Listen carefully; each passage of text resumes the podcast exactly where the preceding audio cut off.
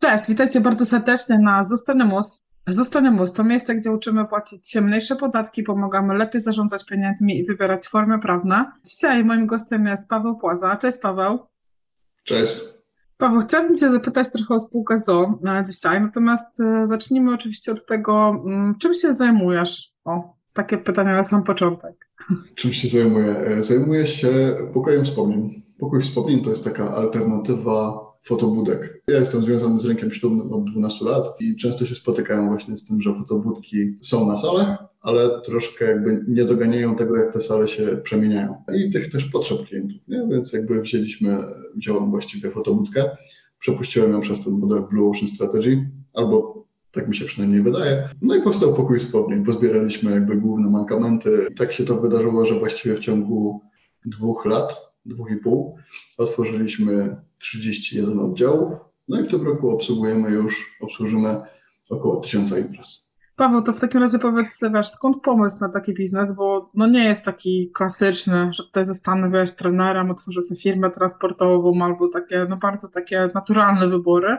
Jednak pokój wspomnień nie wydaje się być wyborem z pierwszej ręki. Wiesz co, y, zawsze, mm, albo inaczej, y, ja chyba lubię takie biznesy, które nie mają tej bariery y, wejścia w postaci konkurencji. W sensie nie lubię wchodzić na rynki, które są już pełne tych samych y, i podobnych podmiotów i gdzie tam, no, jak się tworzy pokój wspomnień, coś takiego, jakby są dużo szersze możliwości takie kreatywne, nie? Marketing się nie musi skupiać na tym, że jesteśmy lepsi, albo jesteśmy tańsi, albo nie wiem co tam jeszcze, tylko jakby można zupełnie swobodnie klientowi pokazać nowe możliwości i niesie za sobą szereg, szereg zalet dla mnie.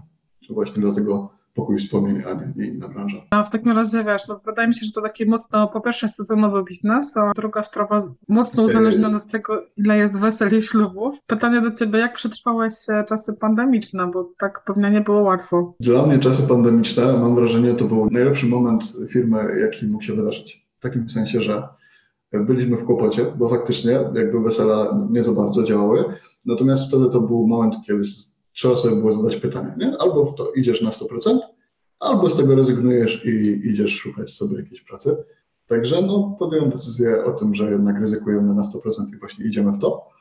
No i ten czas pandemii, kiedy wesel nie było, e, był takim fajnym czasem, żeby sobie ustalić wszystkie procesy, na przykład proces sprzedaży, żeby znaleźć odpowiednie komunikaty z klientami, do, do, klientów, żeby właśnie jakby samą strukturę tej firmy, jakąś koncepcję sobie ustabilizować. Także to było pod tym względem właśnie super, że jak już pandemia się skończyła i było to rozprężenie, to byliśmy gotowi na to, żeby e, wejść w rynek. Tak. No i przeżyliśmy głównie dzięki zadatkom właśnie. Jest jakaś opcja. No właśnie, a jak rozpoczynałeś działalność, to w jakiej formie prawnej od samego początku działałaś? Zaczynałem od inkubatoru przedsiębiorczości. Tam przez jakiś e, bodajże rok czy pół roku była taka faza testowania całego tego pomysłu. Potem sobie przeszedłem na JDG, bo była możliwość na, na dofinansowanie z Urzędu Pracy, więc jakoś tak to się fajnie połączyło.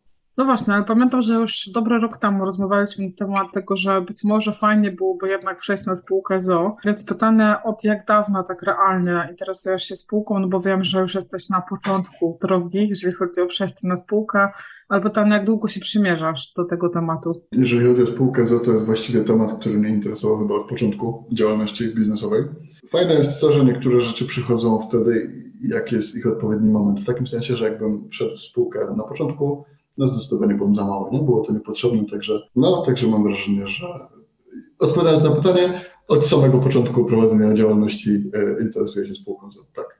No właśnie, to teraz, e, bo jesteś na początku, w tym momencie, kiedy przechodzisz na spółkę, czyli e, będziesz powoli się transferował z działalności na spółkę, więc pytanie, wiesz, dlaczego teraz, co to jest właśnie za moment, nie? czyli ten moment, o którym przed chwilką powiedziałeś? Myślę, że na pewno ważnym jest, y, no skala jest ważna, nie? jeżeli chodzi o, o to, jak to, jak to się rozrosło.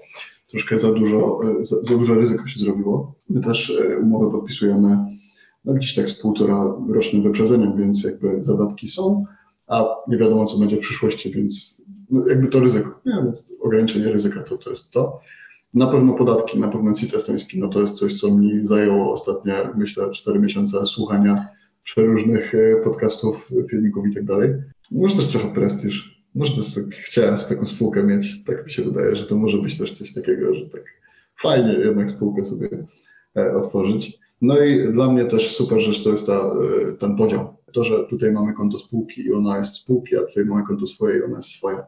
Teraz jak jestem na JDG, to jest łatwo sobie tam gdzieś, nie? W ciągu miesiąca jakieś tam dodatkowe wypłaty przelać, a na spółce to już troszkę inaczej wygląda, także dla mnie to jest, to jest fajna rzecz. No właśnie, a teraz czy są jakieś takie rzeczy, które Ci przeszkadzają w prowadzeniu jednoosobowej działalności? Mówiłaś właśnie o tym, że łatwo sobie tymi pieniędzmi żonglować, co ma dużo zalet, ale równie dużo wad, że dosyć łatwo te pieniądze sobie tam wkładać, wyjmować, e, są różne pokusy. Natomiast pytanie, czy jest coś jeszcze, co Ci w tej działalności mocno doskwiera albo uwiera Cię gdzieś tam, wiesz, w plecy? No myślę, że głównym obciążeniem e, ostatniego roku była składka zdrowotna. To jest ciężka rzecz, jeżeli chodzi o płatność. W sensie lubię, mogę płacić za jakieś usługi, ale jak one są wykonywane, jak to wygląda, jak wygląda, na to średnio mam ochotę. Więc to jest, to jest duże, duże obciążenie. No wiesz, to brzmi trochę tak, jakbyś chciał przyjść na spółkę, dlatego że płaciłeś dużą składkę zdrowotną, nie? Tak trochę to brzmi. To, to źle brzmi, tak mi się wydaje, że to źle brzmi. Jak dla mnie to te podatki właściwie. Wiesz to może trochę inaczej cię zapytam. Jak wiesz, wyobraź sobie sytuację, że już działalność masz zamkniętą, no bo teraz jesteś na etapie no, transferu, tak, z jednego mm. do drugiego. Więc wyobraź sobie ten moment, że masz już zamkniętą działalność, jesteś na spółce, no jak wygląda Twoje takie, wiesz, biznesowe życie? Co Ci ta spółka zmieniła? Czyli jakby jakich zmian oczekujesz, takich zauważalnych dla siebie, dla prowadzenia biznesu, przepływu gotówki, bezpieczeństwa? Nie wiem, co tam jeszcze może przyjść do głowy. Myślę, że po takiej zmianie, no na pewno pierwszy aspekt to jest to bezpieczeństwo. No, ten podział e, majątku, oddzielny mojego majątku od majątku firmy. To jest coś, co, co jest na pewno ważne. Te obniżone podatki na pewno też są ważne. Posiadanie takiego osobnego tworu daje też możliwości, żeby y, sobie to swoje życie tak trochę porządkuje, nie? bo mając więcej firm, a tak, tak, to, tak to w planach wygląda, no to trochę pozwala też no, po prostu w bardziej taki składny sposób działać, taki ustrukturyzowany. Więc myślę, że tak bardziej ustrukturyzowana firma podzielona przychody z prywatnym majątkiem, bezpieczeństwo, podatki. To są jakby rzeczy, które powinny się u Ciebie zmienić. Jeżeli dobrze rozumiem i mogę to tak podsumować. No myślę, że zdecydowanie tak, tak, tak. Okej, okay, no słuchaj, gdybyś miał powiedzieć przedsiębiorcom taką, wiesz, jakąś złotą rzecz, która tobie zmieniła myślenie na temat, nie wiem, sposobu prowadzenia firmy, jakiejś odpowiedzialności przedsiębiorcy, wiesz, czasami są takie kliki w głowie e, w czasie prowadzenia działalności, gdzie mówimy, ok, to jest to, czego mi brakowało, nie? albo to jest to, co mogę zrobić i będzie lepiej. Jest pytanie, czy masz taki, wiesz, klik, który może pomóc innym ludziom? To jak dla mnie takim chyba, e, mówiąc po staropolsku, game changerem, było skupienie się na jednej rzeczy, w takim sensie, żeby nie, nie tylko jakby wybranie jednej firmy, jednej działalności, ale też działając w tej firmie, wybranie jednego segmentu klientów, jednego jakby, no jak najwęziej, nie? żeby nie, nie robić rzeczy typu produkujemy kurtki, a to produkujemy też kurtki na przykład dla chomików i dla wiewiórek, nie? gdzieś tam takie rozchodzenie się na boki, bo jest możliwość.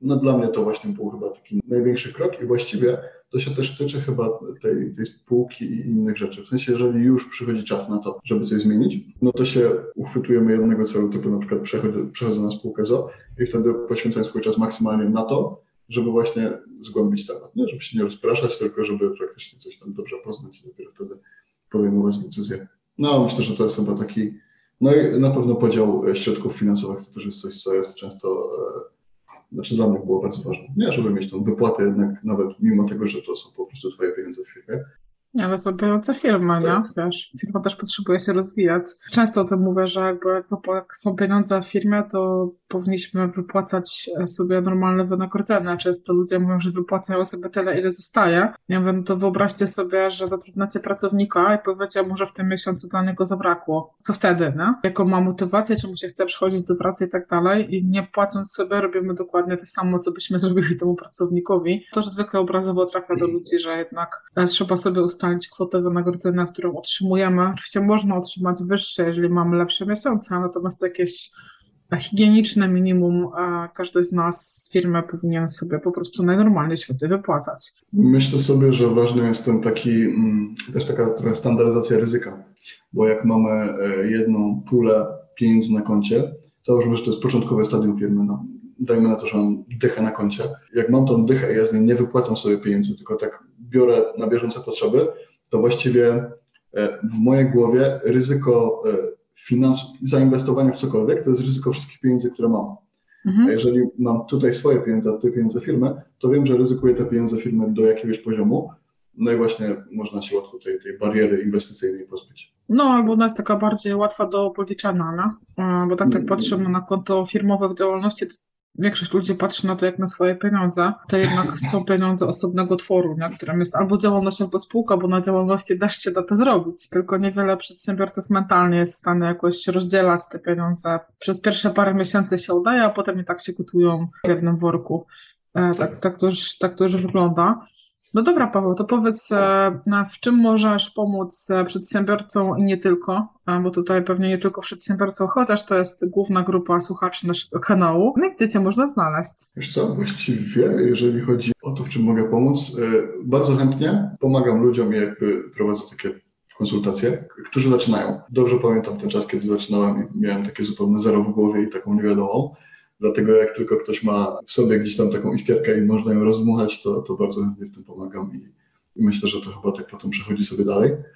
Mm, Tak samo jak ktoś właściwie wcześniej mnie pomógł. Także tak, chętnie pomogę i też chętnie pomogę w takim konstruowaniu firmy w taki sposób, żeby można się było od niej uwolnić. Staram się te firmy, które robię, e, kształtować, żeby one właśnie wymagały mniej czasu. One są mniej przychodowe, powiedzmy, ale mniej też zabierają czasu, bo i może też mniej stresu troszkę, jak nie jesteś sam operacyjnym we wszystkim.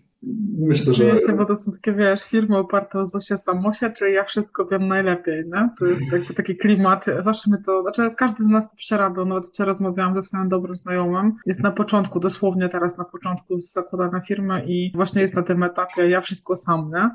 Mhm. Ciekawe, ciekawe, kiedy się zajedziesz, nie? Jakby, e, ile, ile czasu to zajmie? E, Przeciętnie zajmuje 9-10 miesięcy przedsiębiorcom, kiedy albo albo decydują, że jednak potrzebują inaczej, albo decydują, że wracają na etat, nie? To jest jakby zwykle mniej więcej tam około roku taka decyzja zapada, więc e, tak, wszystko sam to nie jest dobry klimat, no ale chyba każdy z nas to musi przejść, żeby dojrzeć do, do pewnych decyzji. Z drugiej strony, nie wiem, czy się ze mną zgodzisz, ale moje doświadczenie jest takie, że e, ten czas, bez przesady, ale na początku wszystko sam, też jest potrzebny w takim sensie, że jak zaczynamy współpracę, na przykład chcemy coś zrobić z marketingiem, to pierwsze warto jakieś 5-10% zdobyć samemu, żeby potem przy szukaniu kogoś, kto to dla Ciebie będzie robił, być w stanie zweryfikować, czy czasem się nie dzieją jakieś dziwne rzeczy. Ja mam takie doświadczenia, że agencja, która chciała e, 15 tysięcy złotych wynagrodzenia za miesiąc, wysłała do mnie stażystkę, która zupełnie nie wiedziała, nie, jakby dostała dokument w PDF-ie, wszystko jest przygotowane, to jeszcze szablonowy i tak, nie, jakbym nic nie wiedział, to pewnie, no fajnie, to róbmy. No, okazało się, że to tak nie działa. Także no to ja chyba mam takie podejście, że te 10% jednak zawsze warto, e, warto wiedzieć, a potem to przekazywać. Wiesz co, nie wiem, jakoś tak e, ch- chyba tam, chyba jak zaczynałam prowadzić firmę, to albo byłam w innym miejscu, albo tam, nie mam pojęcia, ale od samego początku jestem fanem e, delegowania wszystkiego, na czym się nie znam. Ale rzeczywiście podkreślę to, co ty mówisz, chyba to nie jest 10%, ale bardzo często jak potrzebowałam zatrudnić kogoś do jakiejś pracy, to szłam na jakieś proste, często kilkudniowe szkolenie, żeby w ogóle wiedzieć, kogo szukam, czego potrzebuję, czego chcę, no? Natomiast raczej nigdy nie po tych szkoleniach nie próbowałam tego robić sama, tylko jakby chodziło bardziej o to, żeby po, poradzić sobie z rekrutacją, jakkolwiek ona przebiegała, bo pracuję ze wszystkimi na B2B, nie? Więc, yy, ale rzeczywiście to chyba nie jest 10%, ale to pozwalało mi się czuć w miarę bezpiecznie w komunikacji z, jakby z nowymi osobami. Mhm. Chociaż no, nadal zdarzają nam się błędy w dobieraniu różnych podwykonawców do, do różnych rzeczy. Na szczęście z biegiem czasu coraz mniej, no ale, ale się zdarzają. Myślę, że każdemu z nas. No dobrze, Paweł, słuchaj, czy chciałbyś jakby, nie wiesz, powiedzieć jakąś taką złotą radę od Pawła dla przedsiębiorców? Nie, nie czuję się uprawniony, e, ale jakbym miał coś e, wy- wymyślić. Wiesz co, nie, no myślę, że to, co już powiedzieliśmy a propos tego skupienia się na jednej rzeczy, to zdecydowanie jest coś takiego. A, no właściwie jeszcze dla mnie było takim przełomowym, że warto podejmować ryzyko takie właśnie inwestycyjne, nie? że to kurczę, im więcej się głową przebije takich ścian, tym potem by można to pozbierać, jakieś wnioski sobie skompletować, potem iść do przodu. Chyba to, to, to tak to wszystko. Jakby ryzyko zawsze trzeba szacować jeszcze, no? Bo żeby to nie zabrzmiało tak, że wiecie, można wszystko położyć na jedną kartę Mm. w życiu. Oczywiście można, tylko jakby ze świadomością potencjalnych konsekwencji. O to chodzi, żeby zawsze wiedzieć, co się wydarzy, jeżeli coś nie wypali, coś nie wyjdzie i tak dalej. Tutaj też ja namawiam jednak do zachowywania spokoju, więc jestem fanem inwestowania, rozwoju i jakby czasami też podejmowania pewnego poziomu ryzyka, ale zawsze jak podejmuję ryzykowną decyzję, to jakby z drugiej strony szacuję, ile ta decyzja, jeżeli okaże się w 100% błędna, będzie mnie kosztować i czy na taki koszt i moją firmę i mnie stać, nie? Bo tutaj też czasami to jest kwestia nie tylko firmy, ale też okej, jak firmie zabraknie kasy, czy ja mam z czego dolać, nie? No też jest pewna kwestia, wiecie, czy macie dzieci, czy nie macie dzieci, czy dzieci są małe, czy y, macie jakieś zobowiązania. No to jest milion zmiennych, które trzeba wziąć pod uwagę. No ja jestem szczęśliwym człowiekiem bez kredytu, więc e, jest mi zdecydowanie łatwiej podejmować ryzyko inwestycyjne, ale zdecydowanie popieram to, co mówi Paweł, że warto, e, że nie należy się wszystkiego bać, nie? tylko czasami trzeba podjąć taką decyzję odważną, żeby można było dalej się rozwijać. To co, Paweł, bardzo Ci dziękuję za to, że zgodziłeś się wziąć udział w wywiadzie. Mam nadzieję, że dla Was, kochani przedsiębiorcy, kilka takich wskazówek albo kilka rzeczy, które mogą Wam pomóc w podjęciu decyzji o tym, czy spółka ZO jest dla Was, czy nie. Ale jak widzicie, słyszycie, nie, nie rozmawialiśmy tylko o spółce ZO. Mam nadzieję, że to Wam pomoże i do zobaczenia kolejnym razem. Jeszcze raz dziękuję, Paweł. Trzymaj się, papa.